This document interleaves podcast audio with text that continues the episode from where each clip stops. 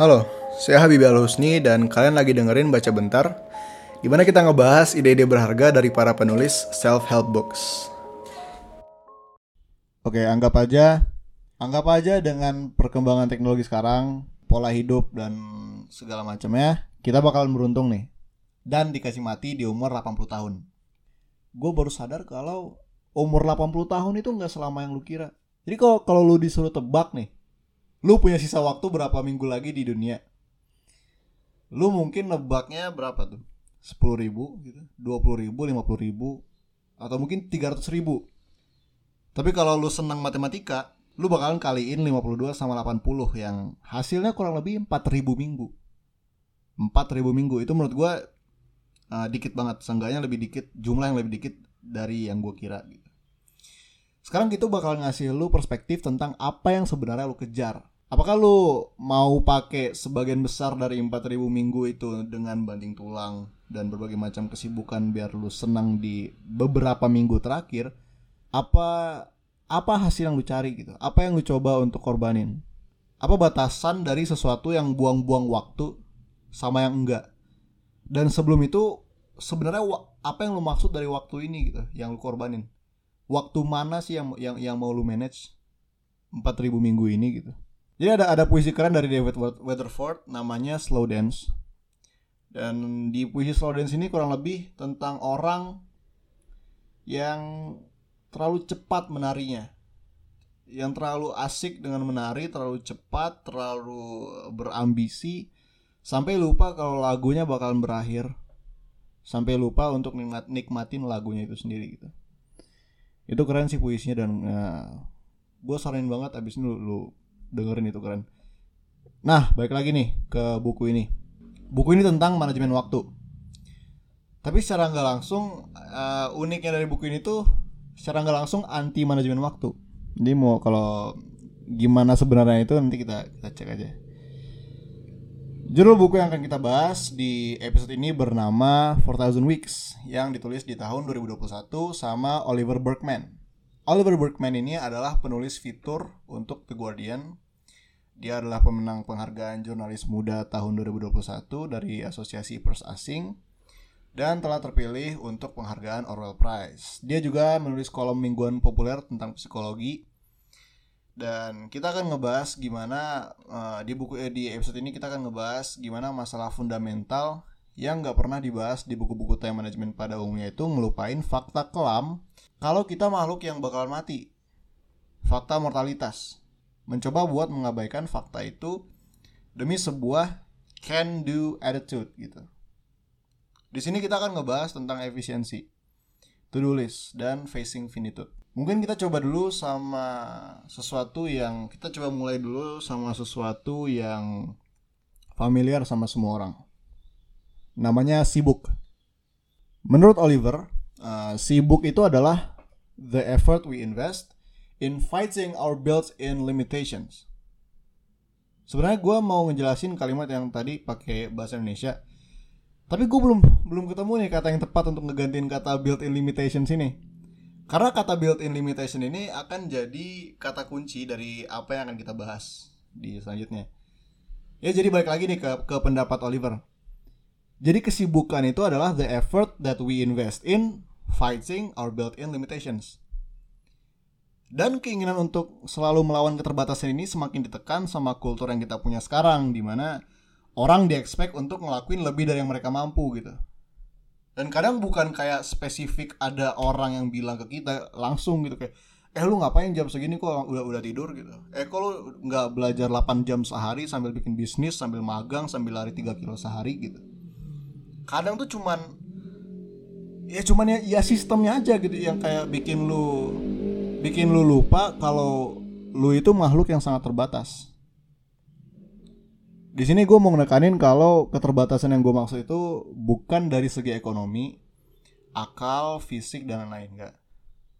Gue mau bahas keterbatasan yang dimiliki sama semua orang, mulai dari Aziz Gagap sampai Vladimir Putin.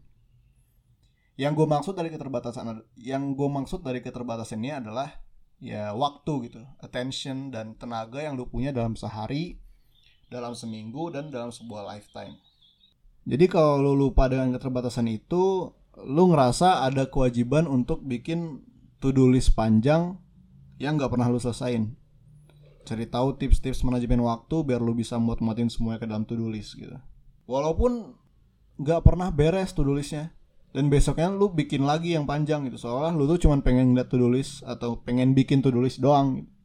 nggak ngeliat kalau to-do list yang panjang ibaratnya lu ngeliat to-do list yang panjang itu udah udah puas gitu. Itu udah bagian dari to-do-nya itu sendiri. Jadi to-do list yang panjang itu kayak ngasih lu perasaan produktif dan perasaan bahwa lu bakalan bener-bener menguasai waktu suatu hari gitu. Padahal lu cuman beresin nggak sampai 50% dari yang lu rencanain dan malamnya lu yang lu rasain itu cuman stres dan rasa bersalah. Hasil kesibukan yang lu lakuin dalam sehari itu nggak ada nggak ada bedanya sama kalau lu bikin to-do list yang lebih pendek gitu. Tapi sebelum kita lanjut, uh, Oliver di sini nggak bermaksud buat nyampein tentang sibuk itu nggak bagus dan kalau kita harus fokus ke yang bikin kita yang bikin happy gitu, enjoy life dan lain-lain. Nggak karena sibuk itu nggak selalu tentang stres dan tekanan. Sibuk itu pasti bisa jadi hal yang menyenangkan. Masalahnya, sibuk yang asik itu anugerah yang cuman segelintir orang bisa nikmatin dan sepersekian yang seseorang yang bisa nikmatin di sepersekian waktu yang mereka punya gitu. Seringkali bukan perasaan senang yang kita dapat waktu sibuk, tapi stres, tekanan, pikiran tentang apa yang bakal kita kerjain besok, perasaan kurang sibuk, kurang kerja keras, perasaan takut, cemas, DLSB dan lain sebagainya. Yang kita rasain waktu kita benar-benar sibuk itu perasaan yang gak enak, yang gak ada manfaatnya. Gak akan bikin kerjaan lebih bagus juga. Itu kalian pasti bisa rasain sendiri dan cari cari riset-riset tentang stres kerja dan lain-lain. Yang mau disampaikan sama Oliver adalah mungkin lu merasa dengan tips manajemen waktu yang tepat, dengan tidur yang lebih cepat, dengan jadi orang yang lebih efisien, lebih efektif, lu bisa suatu hari menguasai waktu dan beresin semua yang mau lu beresin gitu. Masalahnya, hari itu nggak akan pernah terjadi dan bukan cuman nggak akan terjadi, pernah terjadi kepada lu, hari itu nggak akan pernah terjadi kepada siapa pun. Semakin lu efektif, semakin panjang tulis yang lu buat semakin lu efektif, semakin banyak kepercayaan yang lu tanggung, semakin banyak kewajiban yang lu emban, dan kesibukan lu akhirnya nggak berubah sama sekali. Di sini Oliver nyinggung sedikit tentang karir dan gimana mengorbankan banyak waktu dan tenaga untuk karir memaksa kita untuk mengorbankan lebih banyak waktu dan tenaga lagi. Jadi kayak kayak semacam kayak semacam paradoks gitu. Kenapa? Karena kita bakalan dikasih lebih banyak kerjaan bisa jadi tugasnya yang tambah luas atau mungkin kalau lebih senangnya itu jabatan dan tanggung jawabnya tambah tinggi. Akhirnya makin sulit untuk nyisin waktu buat menjaga pertemanan, pertemanan gitu untuk keluarga atau mungkin sekedar untuk hobi. Tapi kalau dipikir-pikir ya balik lagi ke kitanya apakah itu buruk sebenarnya nggak juga tergantung orangnya. Tapi menurut gue ya penting aja buat dikonsider kalau sibuk itu nggak ada measurementnya dan nggak ada patokan finish lainnya itu lebih, penting lagi. Seefektif apa pun lo lo akan selalu bisa sibuk karena semua yang semua yang sedang dan telah lu capai nggak ada apa-apanya dibandingkan deretan luas hal-hal yang belum dan kemungkinan besar nggak akan lu capai di waktu lu yang singkat di dunia. Yaitu kurang lebih 4000 minggu kalau lu beruntung. Balik lagi ke yang gue bahas sebelumnya uh, lu mungkin juga merasa gimana kultur kita sekarang maksa untuk melakukan lebih dari yang kita bisa gitu. Tapi coba lu pikirin deh. Itu nggak mungkin jadi approach yang benar kan? Karena itu nggak logis gitu. Keharusan untuk melakukan lebih dari yang kita mampu itu nggak logis karena kalau bener-bener kalau kalian bener-bener nggak punya waktu untuk semua yang kalian mau lakuin atau merasa harus ngelakuin atau orang lain mendesak kalian untuk ngelakuinnya ya tetap aja kalian gak akan punya waktu. Mau seberapa payah kalian mencoba untuk ngelakuin semuanya, mencoba untuk membuktikan sebaliknya gitu. Gagal untuk nuntasin semua to-do list, semua rencana harian, mingguan, itu bukan berarti lo yang gak efektif. Bisa jadi to-do list to do listnya itu yang yang gak realistis gitu yang lu mau lakuin itu bukan sesuatu yang bisa dituntasin sama satu orang sekali berlu gitu dan itu bukan sesuatu yang harus disesali Gak masuk akal kalau kita merasa bersalah kalau gagal ngelakuin apa yang kita dari awal nggak punya waktu untuk lakuin. Kita harus mengakui kenyataan kalau kita sangat terbatas. Di tahun 1908 ada jurnalis namanya Arnold Bennett. Dia bikin buku tentang gimana cara hidup dengan 24 jam. Konsep bukunya mirip-mirip sama buku-buku yang ngajarin gimana cara hidup di Jakarta dengan uang 2 juta sebulan gitu ada. Cara menghemat gitu, cara efisien. Alasan dia bikin buku itu karena dia ngerasa kalau selama ini udah nulis tentang gimana cara bertahan hidup dengan uang 500 dolar sebulan, tapi orang belum ada belum ada yang nulis tentang how to live on 24 hours a day gitu. Buku ini ditulis di tahun 1908 dan isinya tuh tentang kayak gimana cara bikin teh dengan cepat gitu. Bangun sepagi mungkin dan hal-hal praktikal lainnya. Seperti hampir setiap pakar manajemen waktu yang datang setelahnya, setelah si Arnold Bennett ini yang nulis buku tentang gimana cara lebih efektif dalam sehari, Bennett nyampein atau setidaknya berasumsi kalau kalau kamu ngikutin sarannya, kalau dapat mengerjakan cukup banyak hal yang benar-benar penting dilakukan untuk merasa damai dengan waktu, dia nyaranin kalau kamu bisa muat-muatin lebih banyak aktivitas ke dalam sebuah hari, kamu akan merasakan ketenangan dan perasaan kontrol terhadap waktu. Tapi apakah itu akar masalahnya gitu? Apakah itu case-nya gitu? Kita perlu ingat gitu kan kalau buku ini ditulis di tahun 1908 di mana orang kerja jalan kaki kereta masih pelan gitu. Nggak ada komputer nggak ada email nggak ada GoFood semuanya dilakuin lebih lambat. Apakah itu masalah dalam manajemen waktu selama ini?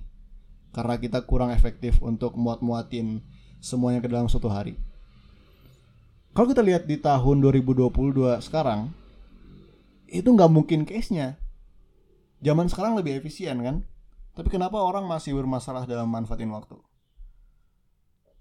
Masalah dengan mencoba buat make time for everything yang yang yang penting gitu, yang terasa penting. Masalahnya adalah kita nggak akan bisa. Kenapa? Karena definisi dari sesuatu yang penting itu terlalu luas dan akan selalu ada yang lebih penting dari hal yang kita bilang penting ini. Sekian bagian dari bagian satu dari episode efficiency trap ini. Uh, ini episode yang uh, kayaknya bakalan jadi dua part. Dan ya gue mungkin di akhir episode ini mau nyampein uh, maaf juga karena udah lama banget nggak upload ya. Ini udah sebulan atau dua bulan gitu. Karena kesibukan kuliah. Ini karena kuliah udah ada udah mulai hitung-hitungan keuangan keuangan gitu capek. Uh, sekian episode dari baca bentar. Semoga bermanfaat dan sampai jumpa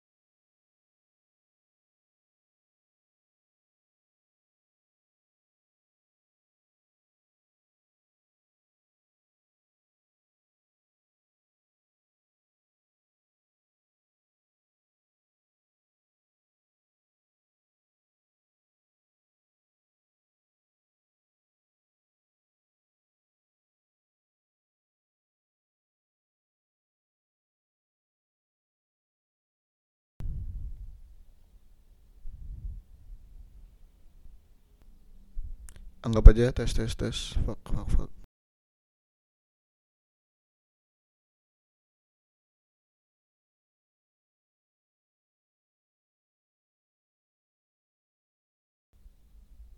Tes tes tes.